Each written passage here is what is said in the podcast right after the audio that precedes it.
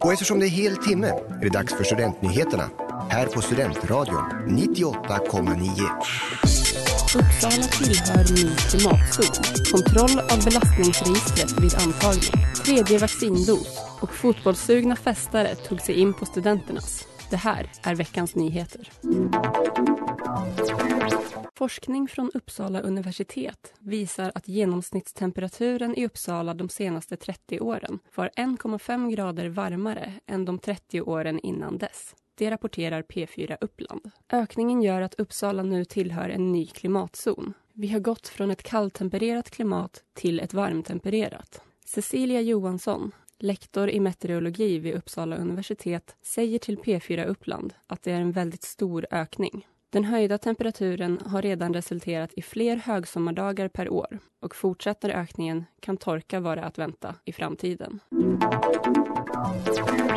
En utredning från Utbildningsdepartementet föreslår att kontroll av belastningsregistret ska införas vid antagning till vissa utbildningar. De utbildningar som omfattas är förskollärare, grundlärare, ämneslärare och yrkeslärare samt utbildningar till läkare, sjuksköterska, psykolog och fysioterapeut.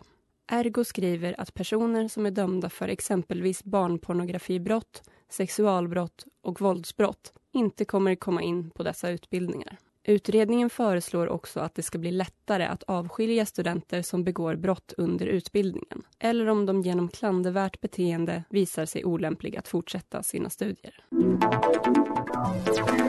Alla över 16 år kommer successivt att erbjudas en tredje dos vaccin mot covid-19, en så kallad påfyllnadsdos. Den tredje dosen kan tas tidigast sex månader efter den andra dosen. Först ut är personer över 65 år samt personal inom hemtjänst, omsorg och särskilda boenden. I Region Uppsala är drop-in vaccination för tillfället stängd på grund av högt tryck.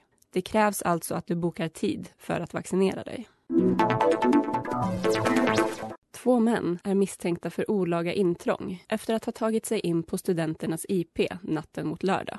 Polispatruller skickades till platsen efter att en person på sjukhusområdet sett de två männen klättra in på idrottsplatsen. Det var dock inte frågan om någon stöld eller liknande brott. Männen berättade för polisen att de ville avsluta kvällen med att spela lite fotboll. De medgav också båda att deras alkoholintag under natten absolut kan ha bidragit till beslutet att klättra in på idrottsplatsen.